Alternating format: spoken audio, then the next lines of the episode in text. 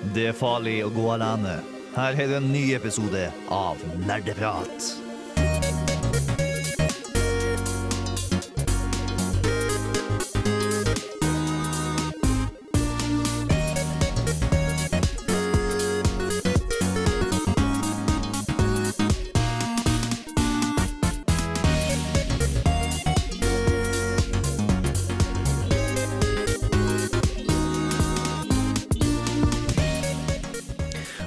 Halloen og hjertelig velkommen til nok en sending med Nerdeprat. I dagens sending har vi om temaet nostalgi.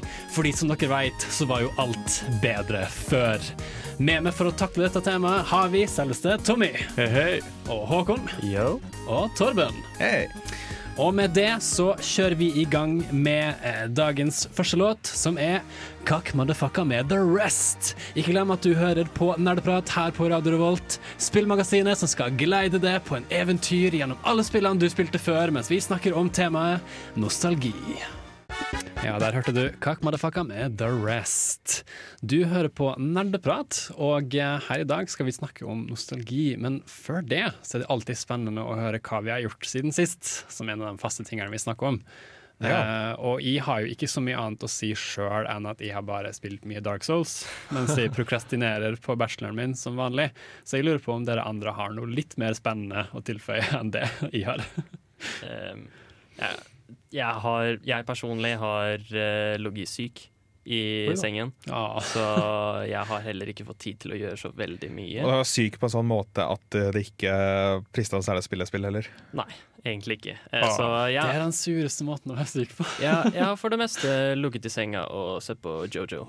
Så Jojo. Jojo's Bizarre Adventure. Ja, for du ble litt frelst av den, du. Det, det var jo veldig artig, da. Altså, det, er, det er på en måte Det er like mye satire på shonen som det er shonen. Ja. Og det, jeg føler det fungerer veldig fint for den serien. Så det, Shonen, det var da veldig sånn action, fast-paced. Ja, Anime på en måte. Vi, hør, ja, ja, ja. vi snakket jo om anime og manga forrige uke, eh, og shonen er jo da den sjangeren som er mer egnet for gutter, kontra shoujo, som er mer egnet for jenter, som er er feminin. da. Ja. Eh, Det var veldig gøy at du har begynt å sette på anime, da, for du så jo ikke så mye på det før. Nei. Eh, og jeg skal gå så langt som å si at jeg gjør fremdeles ikke det. Det er bare enkelte ting som har truffet meg, da. Mm. Og det er en av dem. Så ja. Det er kult. Er det en veldig lang serie?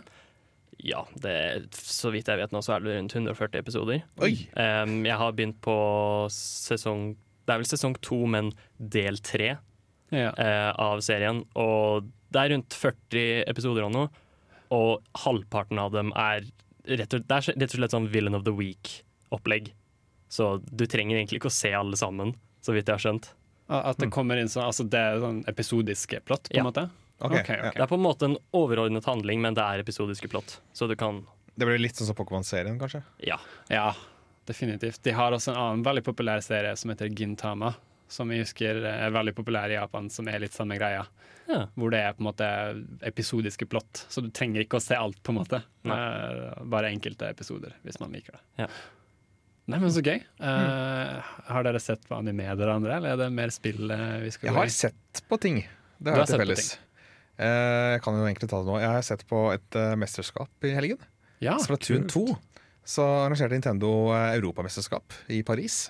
Wow. Det er eh, folk, lag som hadde kvalifisert seg fra alle de forskjellige reg- regionene, som Frankrike, Storbritannia, eh, Italia, og også da Oi, nå får jeg litt lyd her. Ja.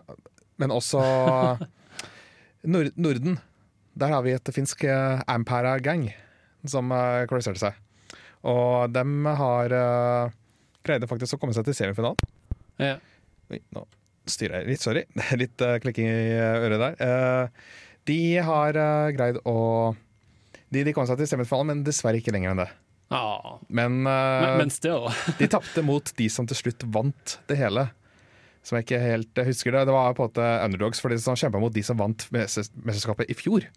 Og som hadde da hatt to ganger på rad hadde de vunnet, og så nå var det en ny som er på tronen.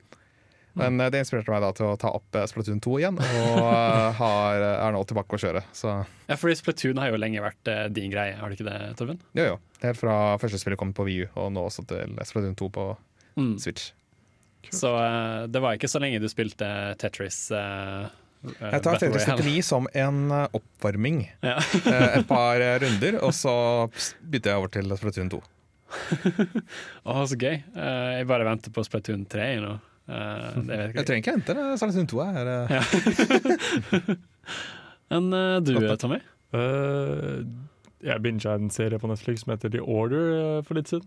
Okay. Den var kul. Eh, handlet om uh, magikere versus varulver. Hvor varulvene Ah. tydeligvis er gode.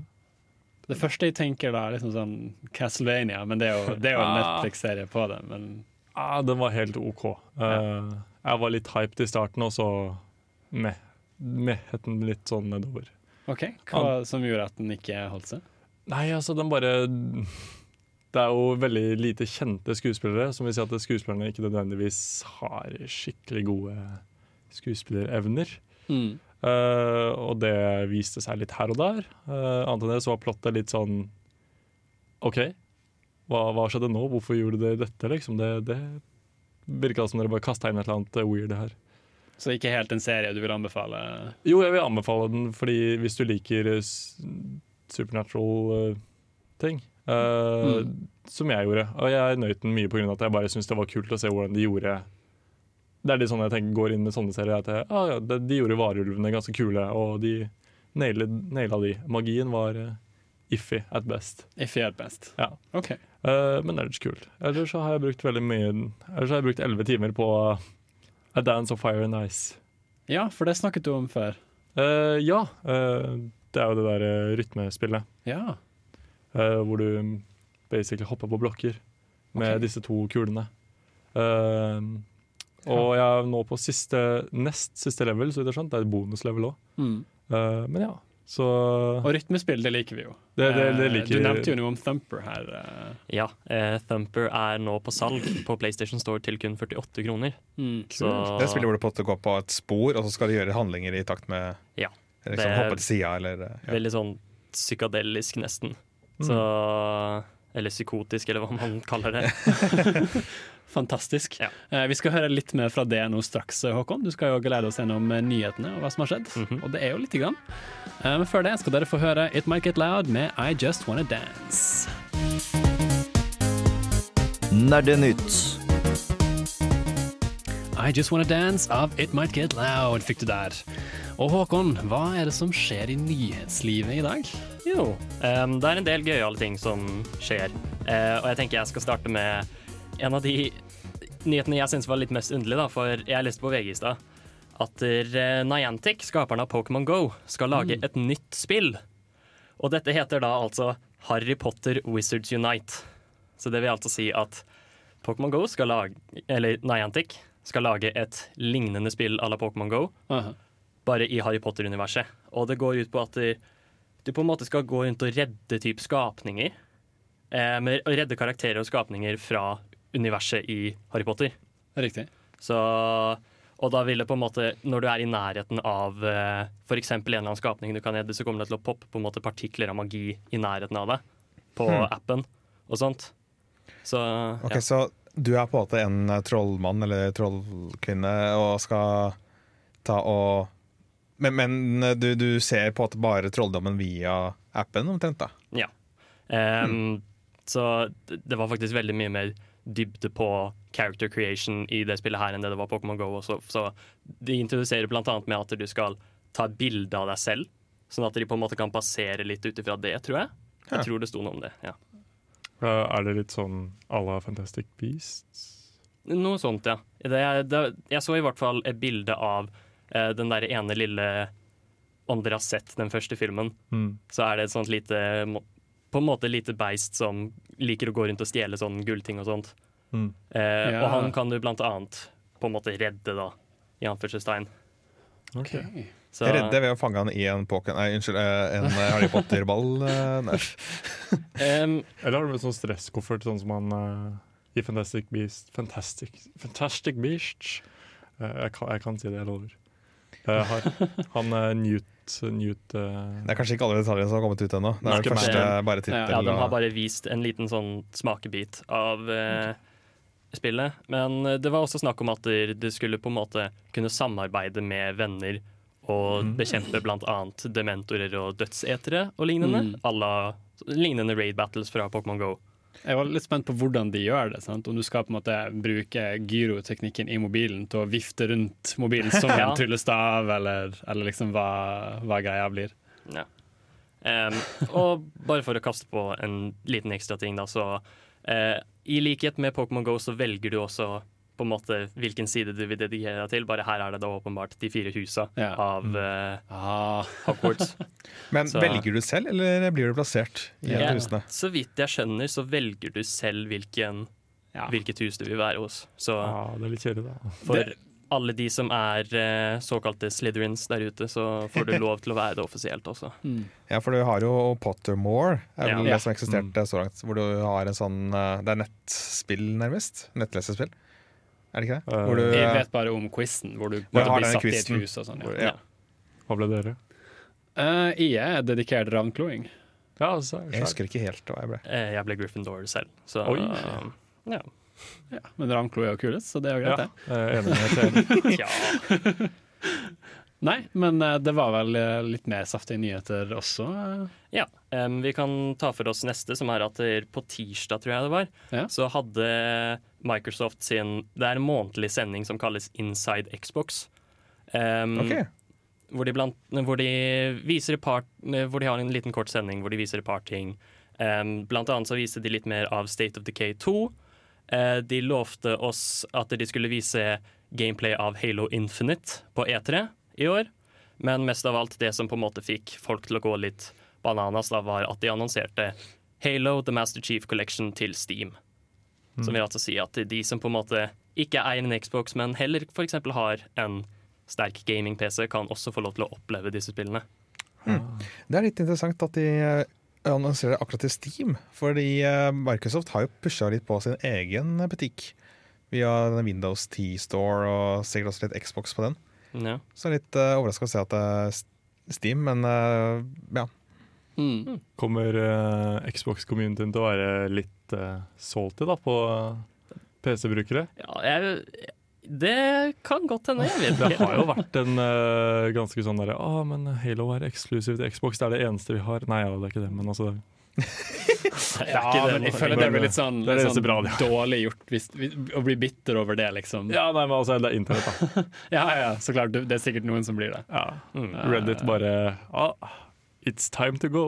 Det er en del av uh, Microsoft sin overordnede strategi, som også snakka om på Microsoft-sendinga, om at eh, Ja. de i større grad på en måte prøver å smelte, smelte sammen eh, PC og Xbox og ha mer på begge. Mm. Ja.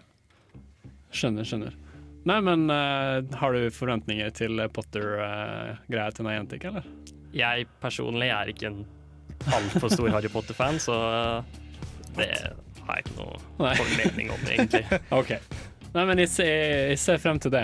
De har jo overrasket med Pokémon GO. Det var sånn OK pluss, så Ja. kanskje det her kan begynne med det òg. OK pluss, faktisk. OK pluss. Her skal vi få litt Sauropod med I've Seen How You Smile. I've Seen How You Smile av Sauropod fikk du der. Mer nyheter har vi her på Nerdeprat, og eh, det er vel fortsatt mer som skjer i spillverden. Ja. Jeg kan vel starte med at Norsk Filminstitutt har eh, valgt å gi tilskudd til ni nye spill. Som vil altså si at det var på en måte en panelvurdering panelvurdering, og at der alle pitcha og sånt, og så har de valgt da å gi tilskudd til ni forskjellige spillprosjekter. Ja. Det er gode nyheter. Fordi Norsk Filminstitutt er da ikke bare deler ut masse midler til film, de deler også ut eh, litt til spill. Lite grann. Så de valgte da å de, Det står her at de på en måte bestemte De bestemmer dette ut, etter kunstnerisk vurdering uansett sjanger og plattform. Og at de gir tilskudd til manusutvikling og lignende og lignende. Så du har eh, for eksempel Du har litt diverse spill. Altså. Du har for eksempel Number Tree, som er et historiedrevet puslespill. Som på en måte viser at matte kan være gøy, osv.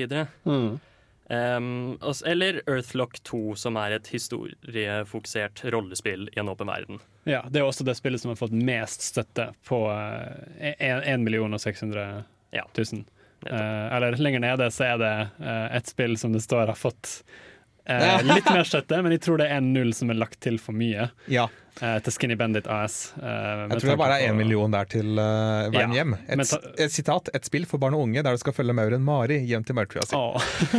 Med tanke på at hele budsjettet var på 6,6 millioner. Eh, Men det er jo veldig kult å se at, at spill, og så mange spill, får så mye støtte. eh, Ja. Norske spill. Det, det er veldig godt å se. Og Den morsomme realiseringen her er at det ofte er der du først får høre om eh, noen eh, nye spill. Jeg vet ikke helt hvilke som er det første vi hører om her, men et spill som eh, jeg bet meg merke, til, merke i, er eh, Nenia fra Henchman Goon. Den har Mm. fått 500 000 kroner. Det er et eventyrspill som tar for seg å leve med depresjon, angst og avhengighet. Mm. Henchman Goon er jo de som laget uh, Pode. Ah, Som er kommet ut på Switch og alt mulig nå. Mm. Og til Eh. ganske, og til ganske mye kritiske, hva skal jeg si, gode, gode skussmål. Jeg må si også jeg er veldig glad å se at vi har to norrønskinspirerte titler her. Eh, både Tanknarok eh, Hva var det du kalte det? hvor, eh, Tanknarok, hvor liksom to spillere Det sånn, ser ut til å være noe sånn World of Tanks ut ifra beskrivelsen. Fordi det er to, sp- eh, flere spillere som spiller mot hverandre med tanks. Eh, og så har du bare Norse av Arctic Hazard Game Studios.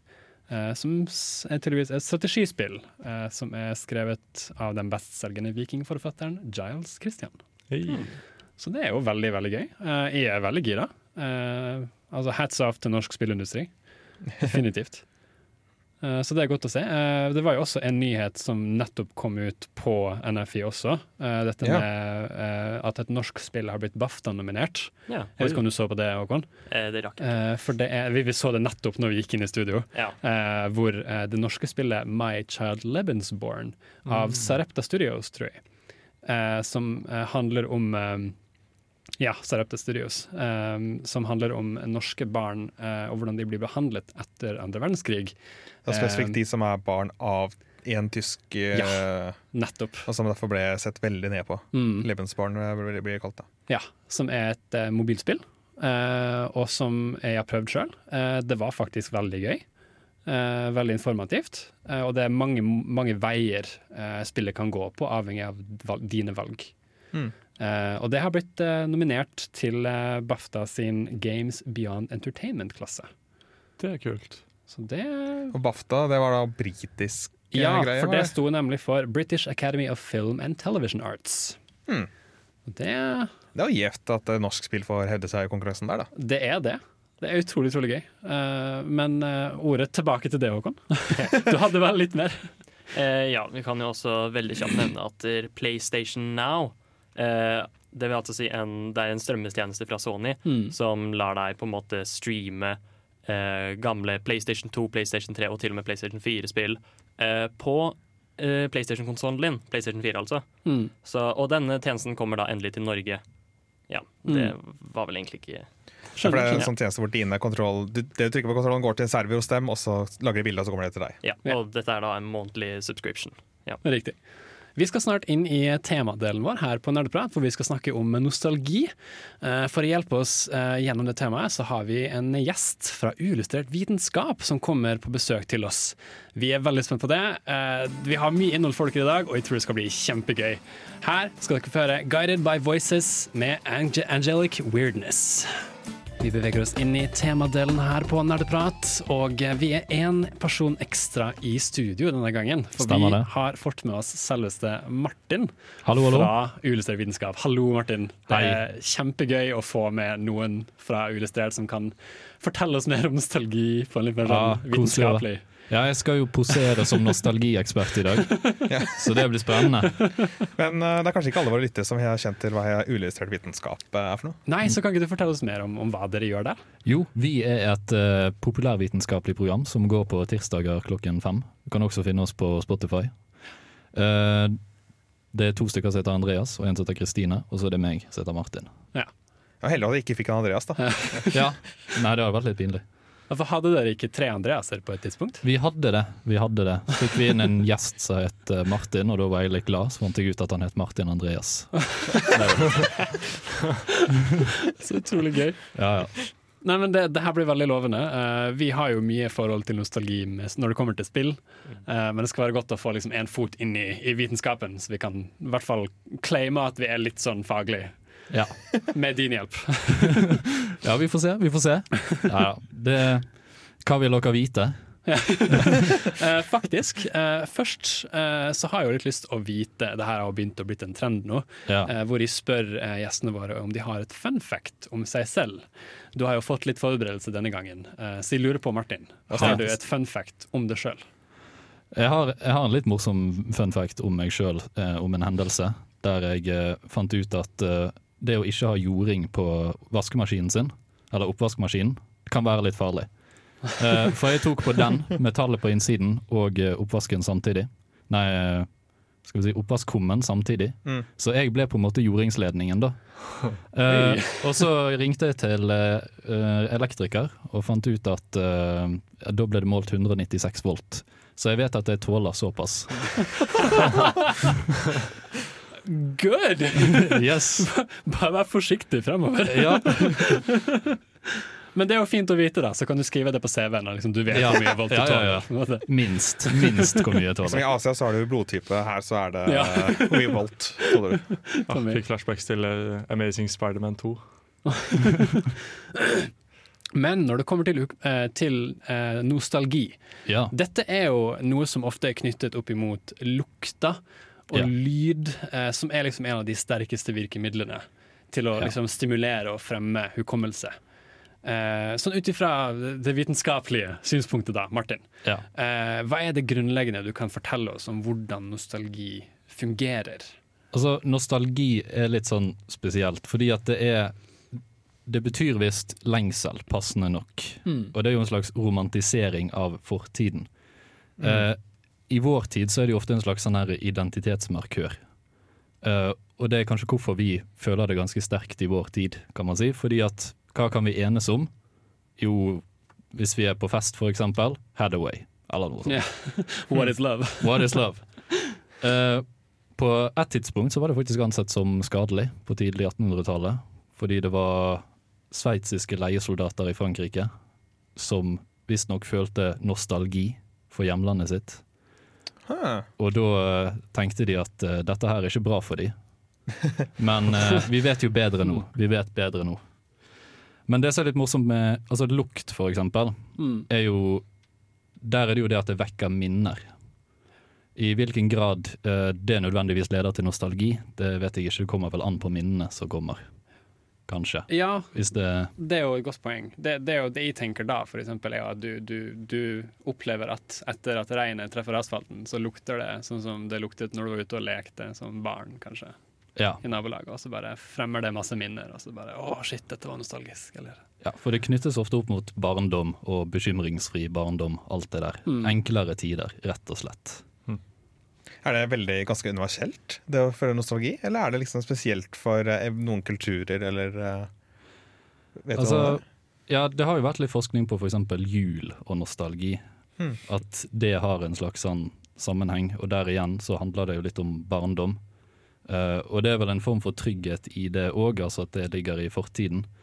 Uh, nå vet jeg ikke helt om det er så stor forskjell mellom kulturer, men som på individnivå så er det forskjell på hvor mye nostalgi vi føler. Hmm. Noen føler det mer enn andre. Men om de som føler mye nostalgi, er mer eller mindre lykkelige enn eh, de som ikke føler så mye nostalgi, det er det ikke noe som tyder på. Så De er i hvert fall mer lengselsfulle, kan man si.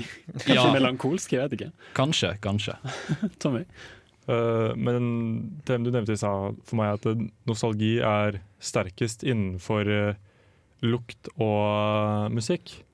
Ja, altså det har sikkert gått glipp av noe. Nå er jeg ikke noe ekspert på temaet, men Nei, men jeg leste en artikkel i stad som sier at forskning viser at det, spill har faktisk, er faktisk den sterkeste faktoren på nostalgi. hva viser det? En, en forskning? Ja, tydeligvis en forskning om noe Hmm. greier. Ja. Det Eh, som jeg var litt sånn OK, det er jo har vært spennende å få lest. Ja, for jeg kom til å tenke litt på Når vi snakker om det her, så kom jeg til å tenke på de innslagene man ser om f.eks. demente pasienter. Ja. Hvor de får inn en som eh, spiller eh, eller covrer på måte gammel musikk fra deres ungdom. Og det får dem liksom, det, det, det pirrer noe hos dem, eller på at det Mm. gir dem eh, glede. Artikkelen kommer fra Kotaku. Dot, eh, Da dot ikke så mye troverdighet til Da er det. ikke så veldig troverdig likevel. Never mind. Eh, jeg eh, sjekket, sjekket ikke kildene mine. Men det gir jo litt mening òg, fordi at spill er jo Det innebladene er jo ikke bare lyd og bilde, men det er jo òg interaktivt. Så du veldig aktiviserer jo ganske mye av hjernen, Mm. så at det er lettere å hente opp eh, skal vi si minner fra spill, Ja. gir jo på en måte mening. Definitivt. Eh, Så sånn sett er det jo et veldig kraftig medium hvis du sammenligner det med bøker eller musikk, da, Mm. som er mer fokusert på én sans som regel, eller færre. Eh, Vi skal gå mer inn på det faktisk, og snakke litt om hvordan nostalgi er for oss personlig. Men før det skal du få høre The Black Keys med Low High. The Black Keys med Low High hørte du der. Og vi snakker om nostalgi her på Nerdeprat, fordi eh, nostalgi er i hvert fall veldig kraftig i spill. Eh, og jeg tror vi alle her uh, har et kraftig forhold til visse gamle spill som vi har vokst opp med, og føler mye nostalgi for det. Uh, jeg vet ikke om du har spilt så mye spill, Martin? Jo da, jeg har har spilt en god del spill. OK, OK. ok Jeg det. jeg, jeg spurte ikke om du hadde spilt så mye før nå, egentlig. Så. Men det er jo godt å vite. Da er vi liksom Ja. alle i samme båt. Uh, og det jeg har lyst til å, å vite nå, da, er liksom hva slags personlig forhold vi har til nostalgi. Uh, Sjøl, for eksempel, så vet jeg at jeg har spilt de gamle Pokémon-spillene mange ganger opp gjennom tida, siden de kom ut. Uh, og det er flere gamle spill uh, som jeg bare har spilt igjen og igjen og igjen, bare fordi jeg likte spillet. Uh, jeg var jo en stor fan av japanske rollespill før, så jeg endte opp med å spille mye av det flere ganger, liksom. Og, og man ender jo opp med å låse seg litt, kanskje. Jeg vet ikke, hva Er det noe forhold dere har til spesielle spill, som dere bare har holdt dere til partisk, eller?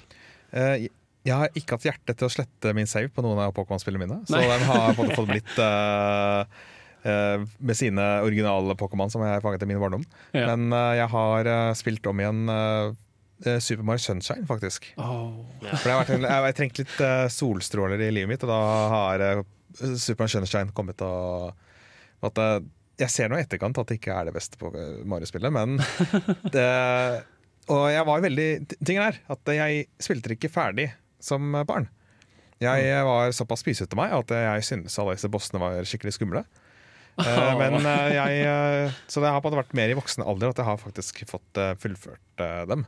Litt det samme som Yoshi's Island til Game Boy Advance-versjonen. Den der kom jeg heller ikke noe særlig langt som barn, men jeg kom, henter det og plukker opp igjen. Og Tilsvarende et spill som heter Spectrobes. Det så jeg en venn av meg spille. Men uh, det var ikke for mange år senere at det dukket opp uh, på en spillbutikk jeg var innom og sa hei, det spiller jeg, det, det er en del av barndommen min. Håper jeg, det. Jeg har lyst til å faktisk få spilt det. Ja, riktig.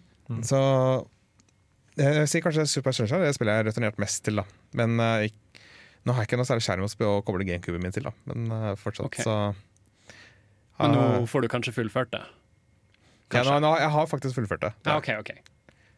Det Men så, eh, jeg kjenner veldig hva du mener med, med det å være litt redd. Uh, Ocarina of Time var et spill jeg var veldig redd for å spille da jeg var ute. Eh, jeg turte ikke å beseire Queen Gooma, som er førstebossen, med en gang, fordi det var veldig skummelt å klatre ned i, i tre. Og Ocarina of Time er jo veldig god på dette med stemning. Ja, ja. Du har jo også alle de der skumle fiendene, altså redeads, som er på en måte sånne zombieaktige skapninger som skriker skikkelig høyt, og så hopper Ja. de på deg og Ja, for det er jo når du går inn i gravgården der. Ja.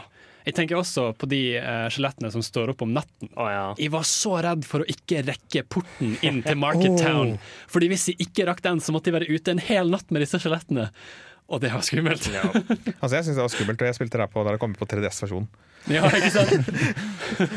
Du vil jo høre mer om Ocarina of Time senere, når eh, Håkon skal eh, snakke litt om hans forhold til Ja. det. Så det blir veldig spennende. Eh, men hva med dere, Tommy Martin? Uh, ha, to, Tommy Martin? Tommy og Martin! dere har vel også noe nostalgisk forhold til eh, Til noen spill. Altså, jeg har generelt ikke sykt mye nostalgi overfor spill, uh, av den enkle grunnen at uh, Fordi nostalgi for meg er at jeg begynner å mimre tilbake til fortiden og liksom tenke at ah, tiden var chill da, liksom, og jeg bare husker spillet, som du forklarte i stad, eh, man mimrer gjerne tilbake da, eh, til det, Ja. og en, en simplere tid. Eh, så for meg så er det veldig mye mer musikk, men musikk i spill har veldig mye for meg å si. Mm. Ja, når jeg tenker om, så er det egentlig musikk i spill som er min hovedsakelige inngangsport til nostalgi. Mm. For da, altså, jeg kan ikke sette på Pokémon Ruba, Ruby Sapphire lydspor som å jobbe med musikk, for da ender jeg bare opp med tanker om, eh, om mimrere. På. Det, det har en, uh, en emosjonell uh, det, trigger på minner i minnet mitt. da Mm. Vi, jeg vet jo det ut fra hvor mye vi koste oss på spillmusikksendingen vi hadde tidligere. Oh. Det, det var to veldig glade sjeler av Tommy og Torben her, da. Nei, så det, det blir på en måte ikke like mye Hvis jeg hadde spilt spillet uten lyd, så hadde jeg liksom hatt null nostalgi. Skjønner. Det er et Ja. veldig viktig poeng, Ja. eh, hvorvidt det er med eller uten musikk. Mm. Eh, Du, Martin?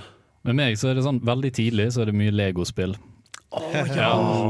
Eh, jeg tror Lego Island var vel omtrent det første spillet jeg spilte. Og På hvilken, det hvilken, eh, hvilken versjon? Uh, PC-versjon. Første Mm. var vel sånn 98 eller noe da den kom ut. Det er samme her, faktisk. Ja, Og så var det Lego Racers var jo òg veldig bra. Uh, litt seinere så kom jeg inn i sånn eh, eh, Ja, det, du har ikke spilt Lego uh, Star Wars? Uh, Jo, jeg spilte det hos en kompis da vi var litt eldre. Jeg spilte det masse da jeg var liten. Og seinere så ble det litt sånn Tony Hawks Pro Skater-serien. Ja. Der jeg ble introdusert til veldig mye sånn skatelingo. Så. Altså totally rad gap, dude. Gnarly, dude. Ser tilbake på da jeg spilte SSX Ja. på, eh, på en Xbox som jeg hadde, faktisk. Det var en, det var en fase. Nei, men eh, det har aldri vært et dårlig legospill, har det det? Uh, jeg, jeg, jeg hører bare folk snakke godt om legospillene. er de så bra nå for tiden, da? Det er kanskje ikke så veldig eh, mye variasjon i det. Det er ikke Nei. så mye nyskapende. Det er på en måte formel som de går om og igjen. Men det er, Ja. det er på en måte god kvalitet sånn, sånn sett, da. Ja. Mm. Nei, men Det syns jeg er utrolig gøy. Eh, vi skal bevege oss videre i sendingen og høre en eh, liten eh, lydsak fra Tommy om Ratchet Clank. Hei. Hvor han da skal meddele litt sånn hans nostalgiske forhold til det. Eh, men før det skal du få høre eh, title screen-musikken fra Pokémon Ruby og Sapphire. Og det er en remix fra Dr. Pez.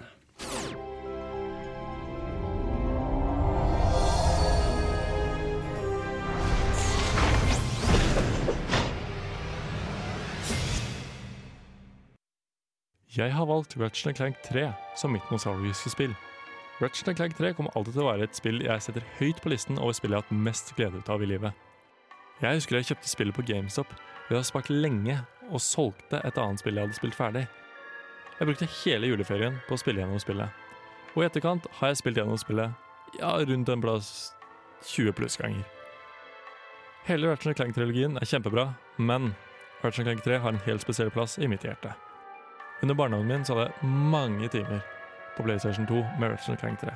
Det jeg likte best med Ratchet Clank 3, var kanskje alle våpnene man kunne velge, og hvordan man kunne oppgradere dem til å gjøre dem enda mer OP. Jeg husker også jeg brukte veldig mange timer i arenaen for å bare få masse penger, så jeg kunne kjøpe alle våpnene. Det også brukte jeg også arenaen til å levele opp våpnene mine, som var ja, ganske effektivt.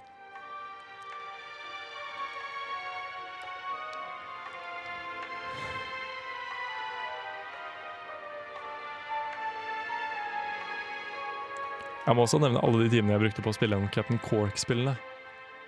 Jeg syns at spillet hadde en god lengde og gode fiender å kjempe mot, og mange kule bosser. Det var akkurat passe vanskelighetsgrad for den unge meg. Spillet hadde kjempegod humor, noe som jeg satte veldig pris på siden jeg lo masse da, og ler fortsatt av de tingene i ettertid. Spesielt Dr. Nefarious. Lawrence! Lawrence! How can I be of assistance? Annihilate him! Just kidding. You've reached my holographic voicemail. Leave your name and a brief message. Ta-ta! Ah, fine. Dette hjalp til med å skape karakterene som ble helt uforglemmelige i mine øyne. Jeg bestemte meg i fjor for å spille gjennom spillet igjen, etter sånn ca. åtte år, for å vekke nostalgifølelsen. Og jeg må si, jeg var ikke skuffet i det hele tatt når det kom til dette spillet, men jeg skal ærlig si at det, det er ikke det samme som å spille det nå som det var å spille det da. Jeg hadde fortsatt veldig mye moro med spillet, men jeg begynte å legge merke til ting som jeg ikke hadde lagt merke til før, og dette gjorde jo da spillet til en litt annen opplevelse, så det ble på en måte en litt ny opplevelse istedenfor en gammel opplevelse, men som igjen var litt gøy. Jeg la annet veldig godt merke til mange av kommentarene som jeg kanskje ikke hadde lagt merke til da jeg var liten, men igjen så var de kommentarene kanskje laget for de litt eldre. Istedenfor å bruke da én til to uker, som jeg gjorde da jeg var yngre, på å komme meg gjennom spillet, så brukte jeg nå ca. tre dager. Grunnen til at jeg kanskje var litt raskere denne gangen, var fordi jeg én spilte kanskje litt mer i løpet av dagen enn det jeg ville gjort da jeg var yngre, og jeg tror jeg fant en bedre fremgangsmåte enn det jeg hadde da jeg var yngre. Kanskje jeg var blitt litt smartere enn da. Forhåpentligvis. Jeg koste meg uansett fortsatt utrolig mye med spillet, og håper å kunne gjøre det samme om ti år. Vi får se. Det har også vært kult om jeg legger merke til noen flere forskjeller som jeg kanskje ikke legger merke til nå. Det er mye annet jeg gjerne skulle sagt om dette spillet, men istedenfor å gjøre det, velger jeg heller bare å anbefale dere spillet, og håper dere nyter opplevelsen når dere spiller det. Hvis dere ikke alltid har gjort det, da. Spillet er definitivt verdt å spille, så gjør det. What do you mean we can't teleport to a planet? I'm afraid we're well out of range, sir. Perhaps if you had bothered to specify a destination. When will we be in range? Oh, I'm sure something will come along in, say, five or ten thousand years. Ah! I don't believe this! Now what? I don't suppose you can play drums.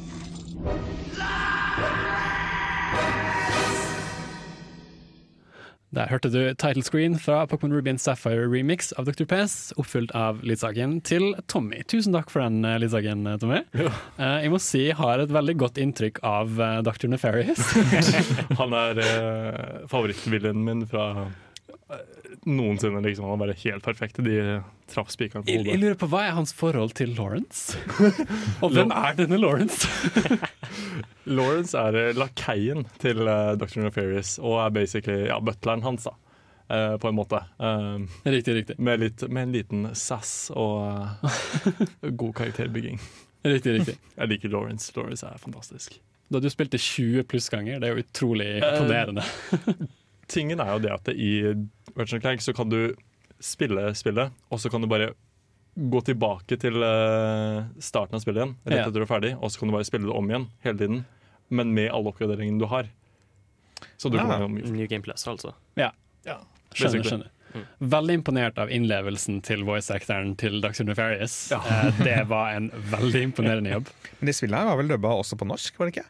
Eh, det er veldig mulig, det husker Ja. jeg ikke. Det var det. Jeg husker ikke hvor god dubben var, men eh, jeg har selv vokst opp med Spilt en del Ratchet Clank, men det, det, var, det var i hvert fall dubba på norsk. Mm. Men Tommy, hvor gammelt er Ratchet Clank? Åh, uh, gi meg to sekunder. Trenger ikke sånn spesifikt år, men sånn, men sånn ish. Jeg, jeg tipper det er fra sånn 2004-2005, tenker jeg. Ja. Jeg er litt usikker på hvordan den må jeg Fordi jeg lurer liksom på hvor grensen går for hva man kan føle nostalgi for. Sant? Altså hvis, hvis, man tenker, hvis- jeg sier at jeg er nostalgisk for Breath of the Wild, som kom ut i 2017, sant? er det litt sånn too soon? Hva tenker dere om det? Torben, Tommy? Um, Nei, altså det kommer veldig an på. Jeg syns ikke det er too soon, for så vidt. Eh, For det er jo et ganske nytt spill, og man tenker jo mest at nostalgi er mer sånn eksklusivt for gamle spill. Gjør man ikke det? Eh, jeg føler Breath of the Wild er en sånn fin sak som på en måte Idet du går ut av liksom den hulen du starter i, og så ser du på en måte landskapet, du ser Hyrule og alt det der, det på en måte Det treffer deg på kanskje den samme måten som du gjorde da du var litt yngre, da, da du eh, først går ut og utforsker det store Hyrule Field osv. Mm. Ja, og jeg tror også Breath of the Wild i seg selv Bare for å ta et eksempel, da. Jeg vet helt selvfølgelig hva heter, men eh, det spillet tar jo i seg selv og har litt sånn nostalgi eh, fordi at eh, du utforsker et herredømme som du ble ødelagt for 100 år siden, og det var du som ikke klarte å stoppe ødeleggelsen for 100 år siden. Mm. Så det er litt sånn nostalgisk i seg selv, da, med piano og sånn, så det kan man kanskje kan blande litt, da. Denne nostalgiske følelsen som spillet går for. Og den, Mm.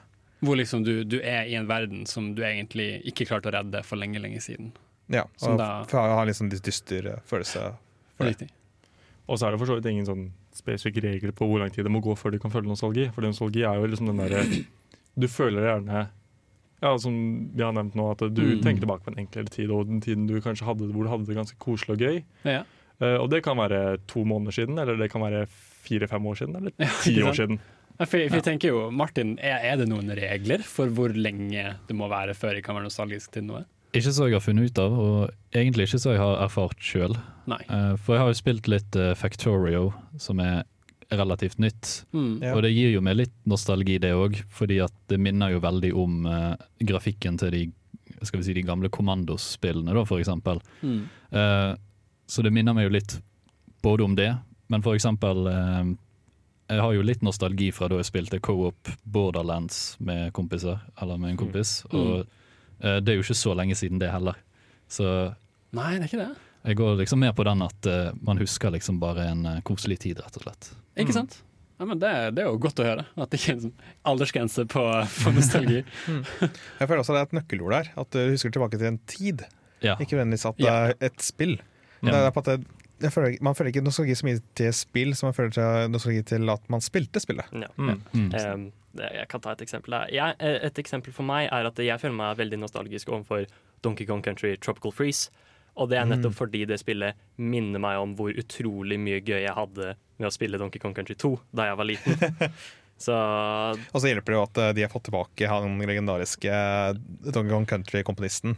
ja. Uh, som jeg ikke husker navnet på. Eh, David Wise. David Wise, ja, selvfølgelig. Ah, for de hadde ikke han en periode, eller hvordan? Donkey Kong Country Returns var laga av en annen komponist, Okay. men så kom vi returnert til David Wise. Ja, riktig. Jeg hadde også nylig en sånn nostalgifølelse hvor jeg så en YouTube-video som jeg hadde sett sånn ja, sikkert fem-seks måneder siden. Men allikevel så bare var den liksom Den bringte tilbake akkurat det samme gleden og sånt som den gjorde da, da, og på en måte ga meg samme følelsen.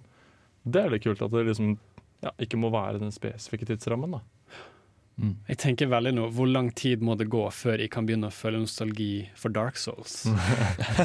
som, eh, som, som du ikke kjenner til at jeg har snakket om, da, Martin, men, men det, det, det er liksom det eneste jeg har snakket om i det siste. OK. Ja. Jeg er litt frelst av det. Jeg får egentlig tanken om at du allerede føler deg nostalgisk Ja, egentlig. det. Sitter her og mimrer allerede. Jeg vil jo nesten tro at det vil være på en måte det tidsrommet hvor ja, du kanskje har vært borte fra spillet en liten stund, og så setter du deg ned, og så begynner du å mimre tilbake. Ah, det var det jeg spilte da. Du trenger ikke være borte lenge, liksom. Si en måned, da. Og så bare Oi! Ah, det var for, fortsatt like koselig nå å spille, da. Liksom. Ja, jeg vet en ikke om. Dark Souls er så koselig å spille. Da. Jo, jo, jo, det, det er faktisk veldig koselig. Veldig koselig. Vi, vi skal snakke mer om nostalgi, også mer om nostalgibriller her på Nerdeprat. Eh, men før det skal vi få høre hvordan, eh, hvordan Håkons forhold er til Ocarina of Time. Eh, og det er jeg veldig spent på å høre. Før det skal du få høre Sverre Magnus Mørk med Nei, unnskyld, du skal få høre Team Me med Blurry Precise. Radio Revolt.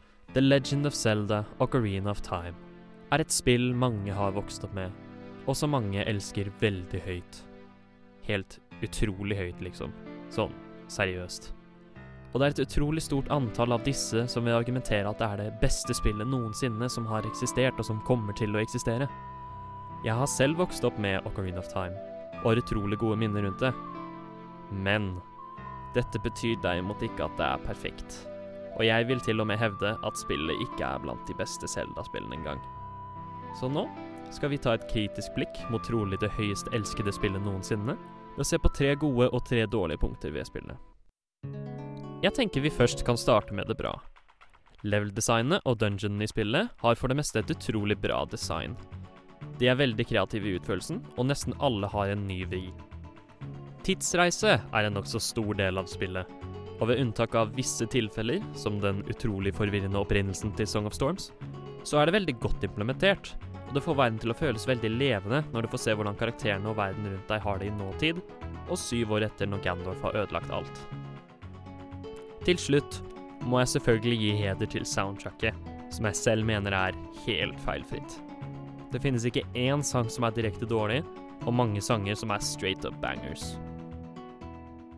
Og så har vi det dårlige, da. OK, så du har endelig kommet ut i Hyrule Field. Du er klar for å utforske denne store, flotte gressletten. Du ser noe underlig litt bortenfor. Å gud, så spennende! Ja da, Navi, la meg bare Please, la meg bare denne ene gang.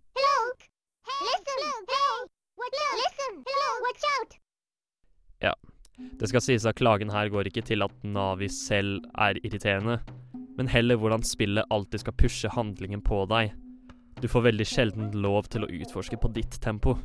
Og det tar meg i grunn videre til neste punkt også, som er at spillet er veldig lineært, og du får lite frihet til å gjøre ting på din måte. Om du tar dungeon som et eksempel, når du kommer til bossen av dungeonen, så har du som regel ingen annen fremgangsmåte å ta enn det itemet du har brukt hele dungeonen. Du får heller ha det brukt for Mirror Shield eller Megaton Hammer så fort du er ferdig med bossen i det stedet. Et annet eksempel er den latterlige Hyrule Field, som så å si er et tomt og kjedelig område hvor dens eneste funksjon er å være en hub for de andre områdene i spillet. Så det er egentlig ingen grunn til å utforske det. Du må alltid gjøre alt spillet ber deg om å gjøre, og det er lite rom for avvik fra dette. Denne trenden av linearitet er et problem med fremtidige Zelda-titler også, men det startet med Ocarina of Time. Til slutt så er spillet fullt av såkalte puzzles i anførselstegn, hvor du bare skyter et øye for å åpne en dør, dytter en blokk til den står på en knapp osv. osv. Ok, greit, du har denne nye dimensjonen å observere, men det å bare se seg rundt i et rom for å finne et øye eller en krystall du kan wacke, er ikke en puzzle, det er en gimmick. Det er ikke tilfredsstillende, det er unødvendig, og det haler ut tiden. Så for å konkludere, jeg vil bare igjen klargjøre her at jeg hater ikke Ocarina of Time. Som jeg nevnte, så har jeg veldig kjære minner med det spillet. Men jeg klarer ikke å tenke noe annet enn at det er det mest overvurderte spillet noensinne. Det har holdt seg relevant, og holder fremdeles opp overraskende bra nå i dag, og jeg vil derfor anbefale alle å spille spillet.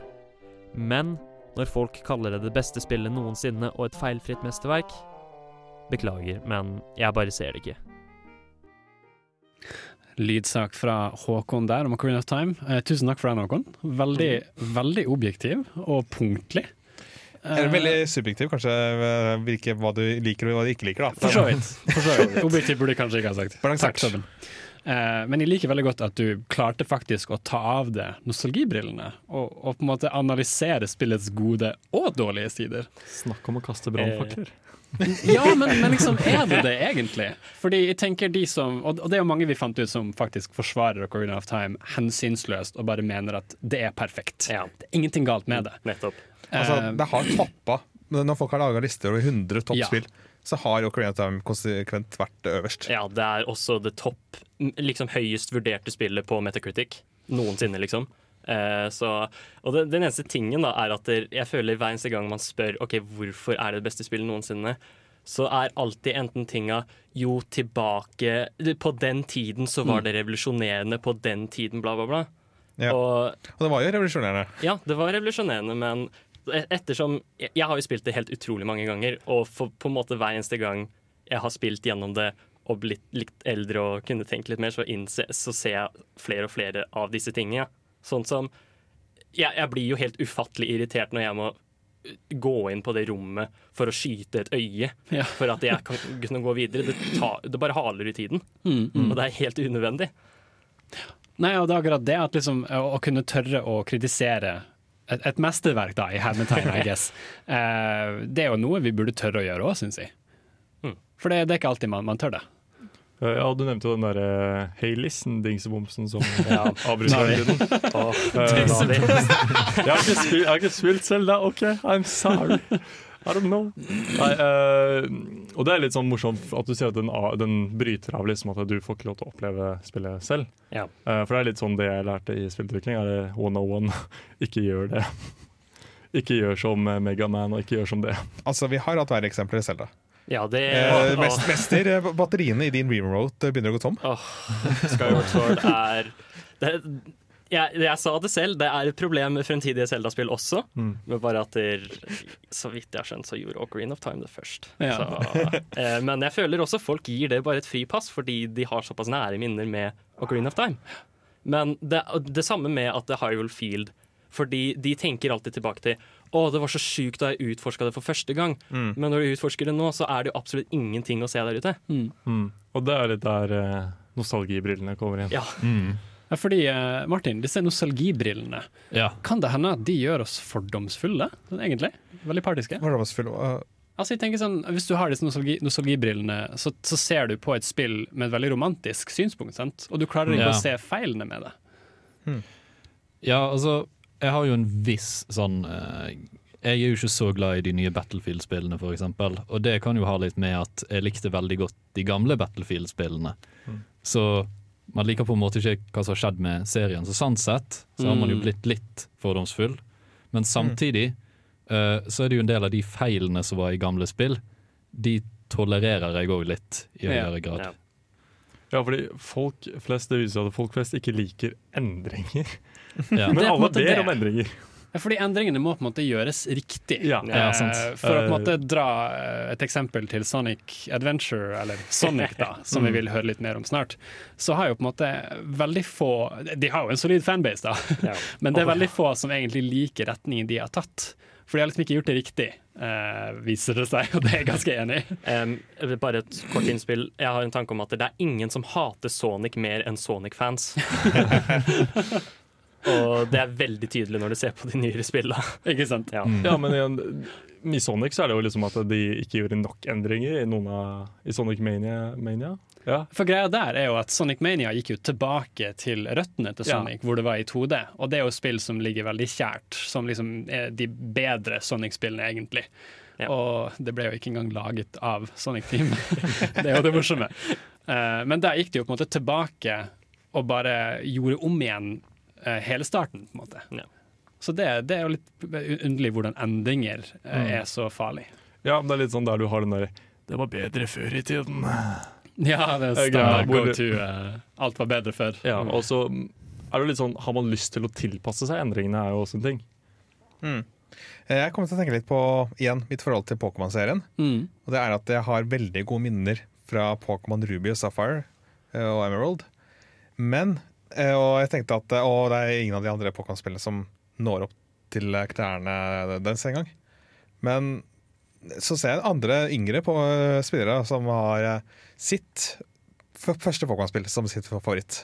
Mm. Og det får meg til å tenke at eh, det er kanskje ikke så mye eh, at kvaliteten på Pokémon-spillet, men heller minnene. At det var det Mm. Pokémon-spillet jeg opplevde i lag med mine venner på skolen. Mm. Hvor Mm. Pokémon var hipt og kult, og vi uh, kjempa mot hverandre. Vi bytta Pokémon.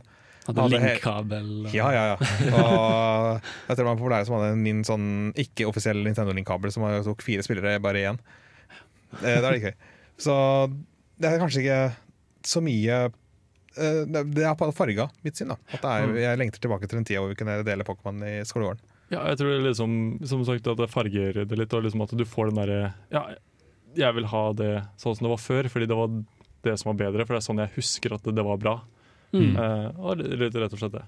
Eh, det kan hende at nostalgien forsvinner litt hvis vi plukker opp spill senere for å se om de har vokst med tiden. Vi skal høre en lydsak eh, fra meg her om litt, hvor vi fortsetter å snakke om nostalgi og varighet. Men før det skal du få høre Kaipora Gibora Metalized fra Artificial Fair.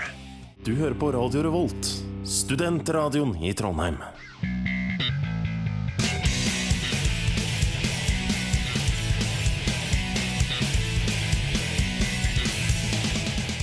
Sonic Adventure 2 Battle er et spill som lille TM elsker. Det ble laga av Sonic Team og utgitt av Sega i 2002, og var en av de første spillene jeg fikk på Nintendo GameCube.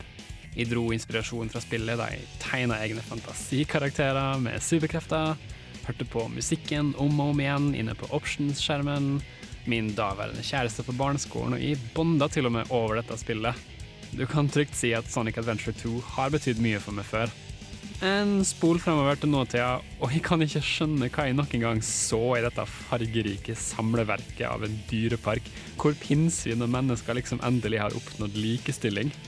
Nei, det er på tide å ta et oppgjør med Sonic Adventure 2 Battle en gang for alle, for å se om spillet virkelig har vokst med tida. Okay, bring it on! Det som jeg faktisk syns var bra med Sonic Adventure 2 Battle, og som jeg vil få unnagjort først, det var musikken. I hovedsak komponert av Jun Senoe, men mye er også fremført av bandet Crush 40, med flere. Som sjetteklassing syns jeg rockeriffene deres og de raske banene i spillet var en farlig kombinasjon, som i hvert fall tok med med storm. Jeg husker at jeg brente CD-er med musikk fra spillet, slik at jeg kunne høre på det på CD-spilleren min. Og du skulle bare visst hva jeg fylte MP3-spilleren min med seinere, da det ble en ting. De har til og med holdt seg til et visst musikalsk tema for hver av karakterene i spillet. Og det funka overraskende bra. På Sonic sine baner så har du disse raske rockelåtene som hyper det opp. Mens på Knuckles sine baner så får du disse rolige rappelåtene. Som vi skal innrømme at fortsatt syns er ganske gøy å synge med. Let it get to me, I'm just gonna creep. No way that's getting through! I historia til Sonic Adventure 2 Battle hadde spillerne valget om de ville kjempe for de gode eller de onde, også kalt hero eller dark i spillet. På Hero-siden kan du spille som dine kjente helter Sonic, Tails og Knuckles. Men på Dark-sida styrer du trioen Eggman, Shadow og Rouge. Uansett hvilken side du velger først, så må du gjennom begge for å avsløre den sanne slutten av spillet. Og ved å spille gjennom begge sidene vil du også få sett ulike sider av historien fra de gode og ondes perspektiv, som hjelper deg å forstå plottet. Sånn innholdsmessig så er plottet noe helt Noe helt annet. Det er ganske absurd. OK, så, så jeg skal prøve å forklare det så godt jeg kan.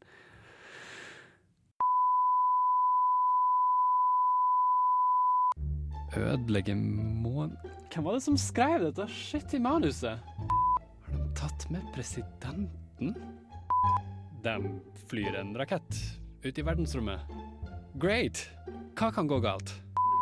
Hvorfor er Amy i det hele tatt med? Hun gjør ingenting produktivt i hele spillet. Vi må bare ta en pause.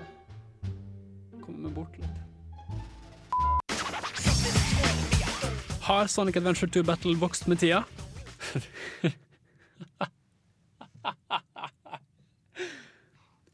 Nei, ikke i det hele tatt.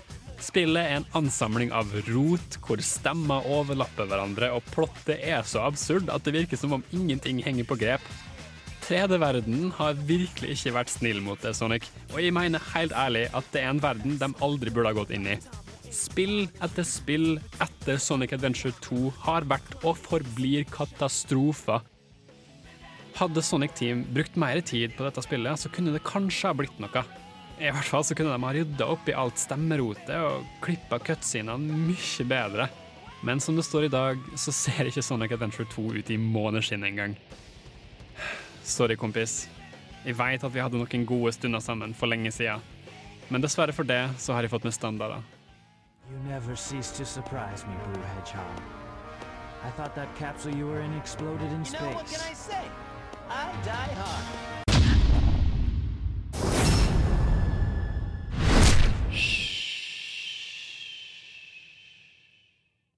Der fikk du lydsaken eh, min om eh, Sonic Adventure 2.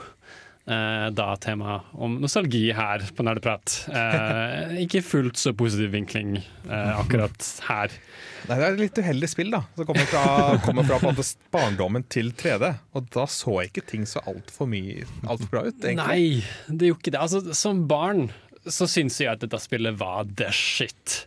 Uh, det var jo et spill som, som jeg nevnte her, at uh, jeg og min daværende kjæreste på barneskolen faktisk bonda over. Eh, så det var liksom så kraftig. Eh, så det, det er liksom noe, på en måte. Eh, og jeg tegna mye og dro inspirasjon fra spillet her. Eh, da ikke direkte fanart, men jeg hadde egne karakterer som jeg tegna kanskje med Shadow sine jetsko, for eksempel. Eh, og slike ting. Cold Steel the Hedgehog. Nei, det var, det var menneske, det var det. Eh, men jeg dro liksom inn Kaos Maragdan og hele det her. Eh, så jo da, har vært der. Been there, done that. Eh, men det her er jo da litt i, eh, om temaet eh, om hvordan, spill, hvordan magien til spill forandrer seg litt når vi plukker opp et spill i ettertid. For det her var jo et spill som jeg har sett på i ettertid og tenkt hva i alle dager er det dere gjør? Eh, de nevnte jo her at det er stemmer som overlapper hverandre. Det er unødvendig mye vekt lagt inn i bevegelsen av armene til karakterene i cutscenes. Og jeg forstår ikke helt hvorfor. I, i, det, I forgjengeren, Sonic Adventure, så hadde de lagt mye vekt inn i munnen. Ja. Ja. At den bevegde seg altfor mye, og nå har de på en måte bare da, Til neste spill igjen så, så gjorde de liksom det samme bare med armene. Og det, jeg forstår ikke hvordan de på en måte har Ja, men lagt de har jo all denne kule armteknologien som de viser fram. Eh, for dere som ikke kan se, så driver Tema og veiver armene rundt som en uh, maniac. Ja, jeg demonstrerer til resten i studio. men, men, men først og fremst da, dette med overlappende stemmer. Er det så vanskelig å passe på at stemmene blir avspilt etter hverandre og ikke oppå hverandre? Jeg føler dette er noe som de burde ha tatt i, i veldig tidlig i gametesting-perioden. Hvis de hadde den, da. Ja, Martin, hadde du noe der? kommer jo litt an på hvor fort du spiller spillet. da. Det er jo noen sånne her speedrunnere som får litt overlappende stemmer, Uh, selv om de ikke nødvendigvis glitcher spillet. Ja, men når de tester spillet, tenker jeg, liksom før Ja, de utgir nei. det. har de på en måte gamesettet spillet med speedrunners. Kan Her er det snakk om engelske stemmer, da, så de har kanskje ikke hatt så mye tid til å teste på seg, de som eh, lokaliserte spillet til Vesten. At det kanskje passa med timinga på, eh, med de japanske stemmene. Ah. ja, men var det ikke laget av Sonic Team USA? Det kjenner jeg ikke godt nok til. Nei, for Jeg mener på, jeg tok en kikk på Wikipedia. Eh, Håkon buter opp PC-en kjapt. Eh, og jeg tror det. Men, men det er jo en, for så vidt en veldig god, et godt svar, hvis det er det. Men jeg er veldig skeptisk. Ja. Kan jo være at de bare var sånn uh, OK, vi, vi lagde et spill. Close enough. Vi, vi kaster det ut og så ser vi hva som skjer. Vi tjener litt penger på det. Det går bra. Ikke sant? For det virker jo veldig som om Sonic Team har på en måte, det prerogativet at de bare vil pumpe ut spill etter spill. Ja. Det er altså utviklet av Sonic Team og Sega Studio USA. Mm. Så Wow. da er det trolig opprinnelig tale som er engelsk. Da er det veldig merkelig. Dere hadde én jobb. Fordi det, Som dere hørte i det klippet på slutten her, da, hvor Shadow sier uh, bla, bla, bla, bla I, I thought I'd capture you and exploded in space. Og så før han er ferdig å snakke, så bare You know what can I say? I die hard. og vi har samme greia med en, en f- scene som er veldig notorisk, Uh, som kalles Faker. I'll make you eat those words. Ja, hvor, han roper ut, hvor Sonic roper ut 'I'll make you eat those words' midt i Shadows sin setning. og det er helt bisart. uh, Det minner litt grann om eh, Jeg har også hatt spill som jeg har Hvor jeg på en måte lært litt mer om spillets svakheter etter hvert. da Mm. Når jeg har uh, hatt litt avstand til det. Eksempel Super Sunshine. Det er de samme bossene som går igjen hele tiden. Det er uh, helt utrolig rar struktur på hvilke stjerner du må ta. Fordi at uh, du skal ta Nå fullfører de syv første stjernene i hver verden. Alle bonusene. eh, i- Det der får deg ikke en meter nærmere siste bossen. Det er bare helt frivillige ting. Mm. Så liksom, det er mye dumme ting med Super Sunshine til, eh, som kom til GameCube opprinnelig. Det er også samme ære, da. For så vidt. Ja, men altså Jeg tenker jo bare på Pokémon og sånn som De har jo liksom expanda sin De har jo laget x antall spill. Eh, men grunnen til at de f.eks. kan lage uh, remakes og sånne ting, er jo fordi at du vet på en måte allerede hva du skal, skal forvente. Ja, du skal slå åtte gymmer. Det er liksom, de kan liksom ikke gjøre altfor mye endringer. Uh, så der igjen så blir det kanskje ikke like sånn Det blir ikke like ille, da. Eh, bortsett fra at de Ja, Mm. hvis man skal sammenligne det, da.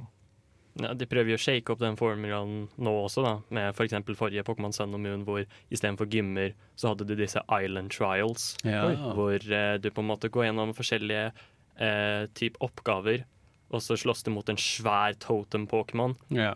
Og når du har klart alle trialene på en øy, så slåss du mot kahunaen, som på en måte er the big boss av øya. Ja, Det er riktig. Så de prøver jo fremdeles å på en måte De prøver også fremdeles å endre på formelen, men på en måte ikke altfor langt. Ja. Men igjen, jeg skjønner litt hvordan du har det når du sa at det, liksom, spillet var ikke det du husker det for. uh, og det ble på en måte litt sånn det samme med ja, min Ratchet Clank. Det var ikke det samme, men Ja. eh, mitt var gøy, da. Ikke sant? Sånn kan det jo gå med spill. Eh, Vi skal snakke litt mer om hvordan industrier kapitaliserer på nostalgi, for det gjør de. Eh, Men før det skal vi høre Jun Senoe sin A Ghosts Pumpkin Soup her fra Sonic Adventure 2. Ja, vi er tilbake, og vi skal snakke litt mer om hvordan industrier kapitaliserer på nostalgi. For dette er jo noe vi ser eh, hele tiden. Eh, vi har jo snakket litt om hvordan vi er nostalgiske til si Pokémon-spill, og da er vi jo inne på dette med hvordan eh, Pokémon, eller Game Freak, da, gir ut nye og nye og nye, og nye Pokémon-spill hele tiden. Hvor de da prøver å kanskje appellere til samme målgruppe, eh, som de gjerne gjør. Det er jo folk som har spilt og holdt seg trofast til Pokémon hele veien. Hva tenker dere? Uh. Ikke, ikke om Pokémon Ja, nødvendigvis, men Nei, men altså, ja, de, eh, de holder jo denne konst, uh, konstante liksom, De whipper ut spill hele tiden, liksom. Eh, og det gjør de jo for så vidt på en bra måte.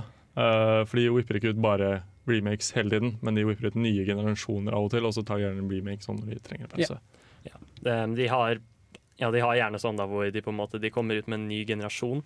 Eh, og så gjerne hvis de er ferdig med spillene fra den generasjonen, så har, setter de kanskje en remake i midten der. mm, Fra et spill som på en måte Det, det er en stund siden det spillet her kom ut, så la oss lage det på nytt i HD. Um, eller så nærme HD det kan bli. Ja, ikke sant. Ja, for eh, jeg føler ikke at de eh, jeg, jeg føler ikke de uh, på en måte sikrer seg inn på den eh, enn bare de gamle Pokémon-fansa er, for de i stor grad prøver å sikte seg inn på å få, få nye Pokémon-fans. Ja. Mm. Pokémon Go derimot syns jeg det sikta veldig, føler jeg, mot gamle Pokémon-fans. Mm. For da var det jo opprinnelig bare de første 150 Ja, det var. Pokémonene, og så interesserte de etter hvert en generasjon. Dette På det tidspunktet så var det jo barn da ville jo ikke hatt noe forhold til disse Pokémonene. Nei, nettopp. For det var ja, Annet enn at de var med i kanskje andre Pokémon-spill jeg hadde spilt på den tida. Men uh, Pokémon eh, rød og blå hadde jo ikke Det var en god stund siden. Ja, ikke sant. Ja, for det er gjort forskning på nostalgi og pengebruk, faktisk. Ja. Og det er faktisk sånn at vi bruker mer penger når vi minnes f.eks. barndommen, eller når vi er nostalgiske. Mm. Det, er, det kan være en tanke bak det, kan man si. Eh, det var en undersøkelse som viste at hvis de tenkte nostalgiske tanker, kan man si, eller hvis det var nostalgiske varer, så var de villige til å gi mer penger for eh, den varen. Bare for sentimentalverdien, liksom. Ja, eller ja, Ja. bare for minnene, liksom. Ja. Og det at det er så mye penger i det, fører jo gjerne til at det liksom Spillselskapet whipper jo ut eh, alle slags remakes left, right and center hele tiden. Liksom. Det er sånn Ja, det er jo remakes ganske påvist at hvis du kan tjene penger på det, så, så Mm. gjør det jo det, selvfølgelig. Uh, ja, Tom, uh, Martin. Ja. ehm, det er jo òg en sånn her eh, gjengående greie om en sånn regel at hvert om så og så mange år så vil det komme en remake, eller et eller annet Mm. vil bli en trend på nytt.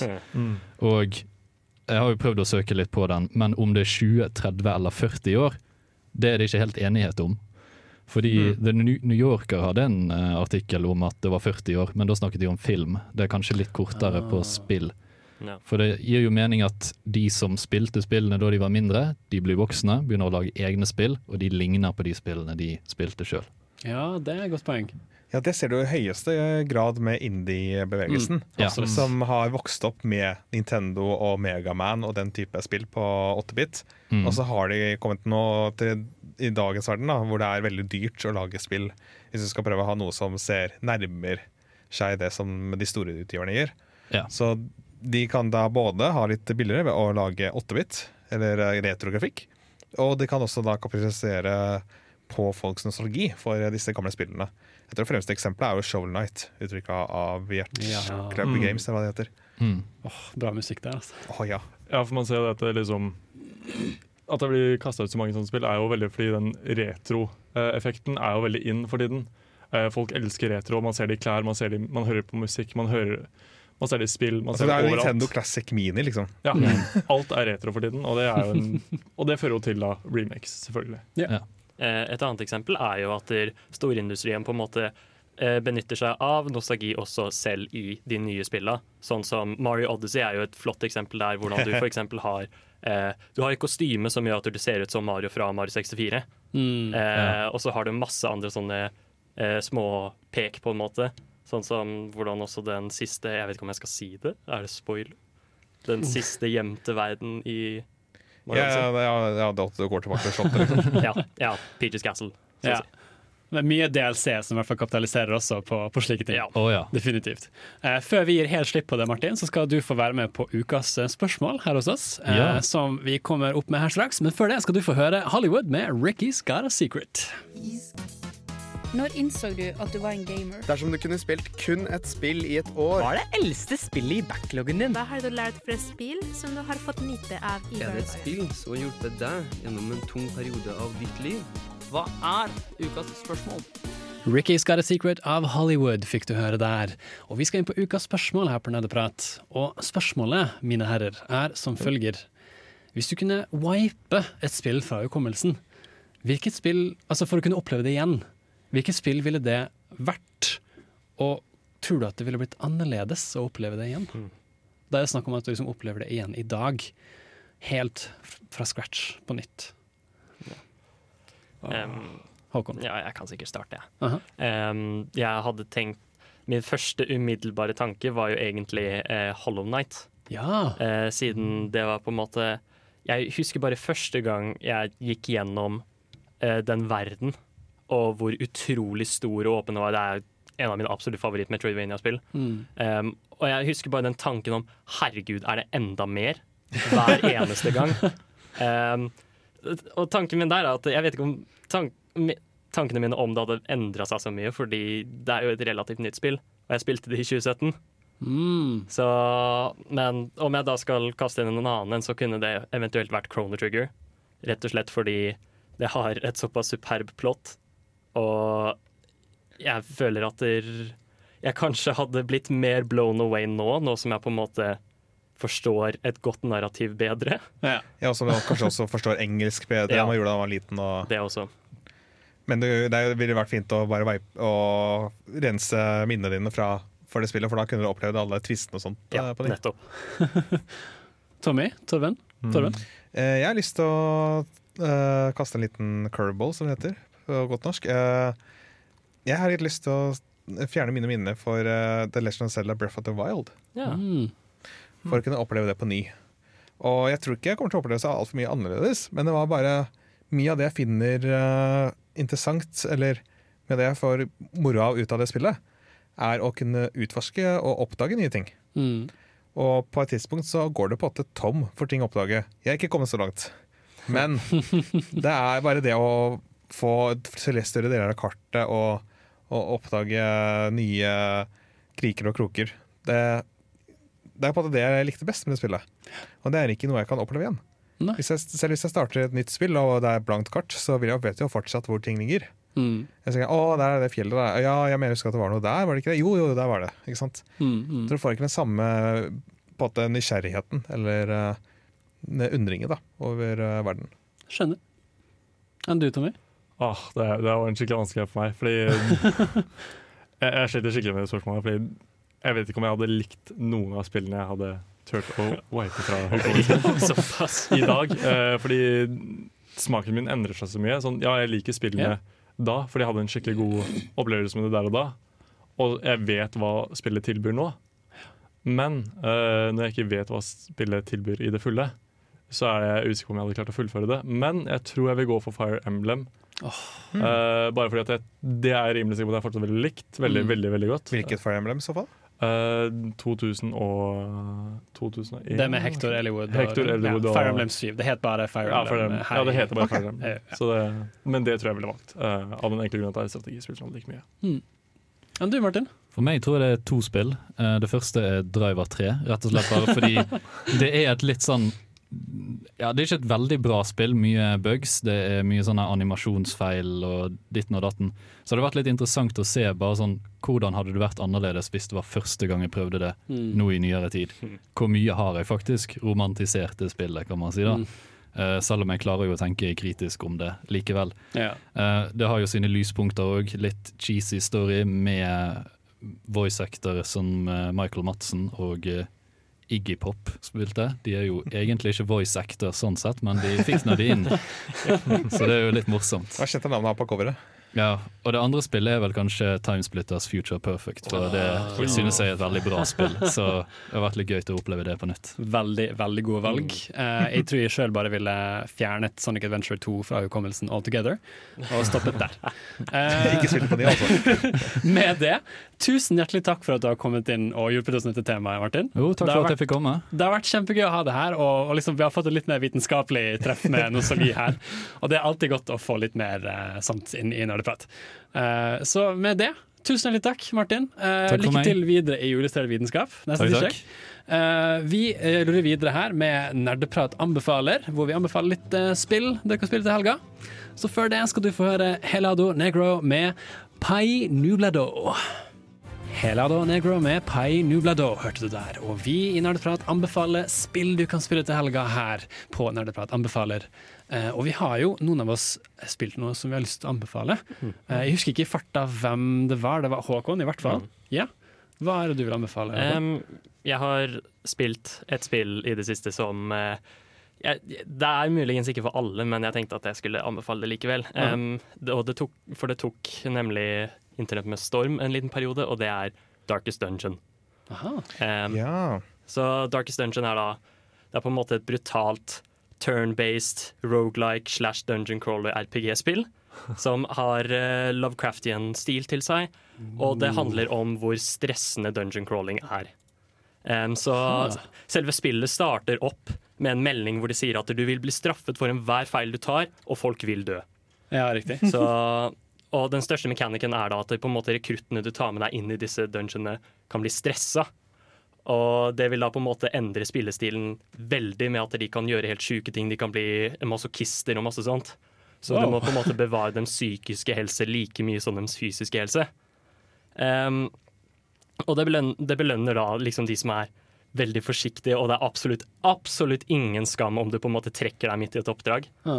Så spillet hamrer veldig det på å få deg til å føle håpløs. Uh, og det er, det er en av de store grunnene til at jeg liker spillet så godt. så Ja, jeg husker tilbake til eh, Anders da han nå var med i Nærprat. Så var han også en uh, likte veldig godt Darkest Dungeon. Ja. Jeg tror han, Da spilte han det på Early Access, da. Ja. Så det har kanskje kommet ut eh, ordentlig nå. Men eh, det er også et poeng med at eh, psykologi faktisk eh, var med i eh, som en spillmekanikk. da Ja. Med at eh, eh, dine figurer kunne bli helt stressa ut og ikke lenger ha tro på virkeligheten. Eller, ja. Ja. Em, hvis de blir stressa nok, så får de også type hjerteinfarkt, som gjør at de blir redusert ned til ett liv. Og da er det jo stor sjanse for at de- de dør. Så Og når noen dør i følge, så blir jo resten Ja. de som ble stressa og eh, Eller eh, hva skal jeg si eh, gir, gir håpet, nesten. ja. Jeg har, jeg har opplevd minst tre ganger at hele skvaden min har blitt vipa. Så Og jeg har lært at du skal trekke deg tidlig hvis det ser dårlig ut. Riktig, riktig. Fokus på liksom å bevare eh, livene til dine kompanjonger. Ja, jeg har en ting jeg har lyst til å anbefale, Ja. men det er ikke et spill.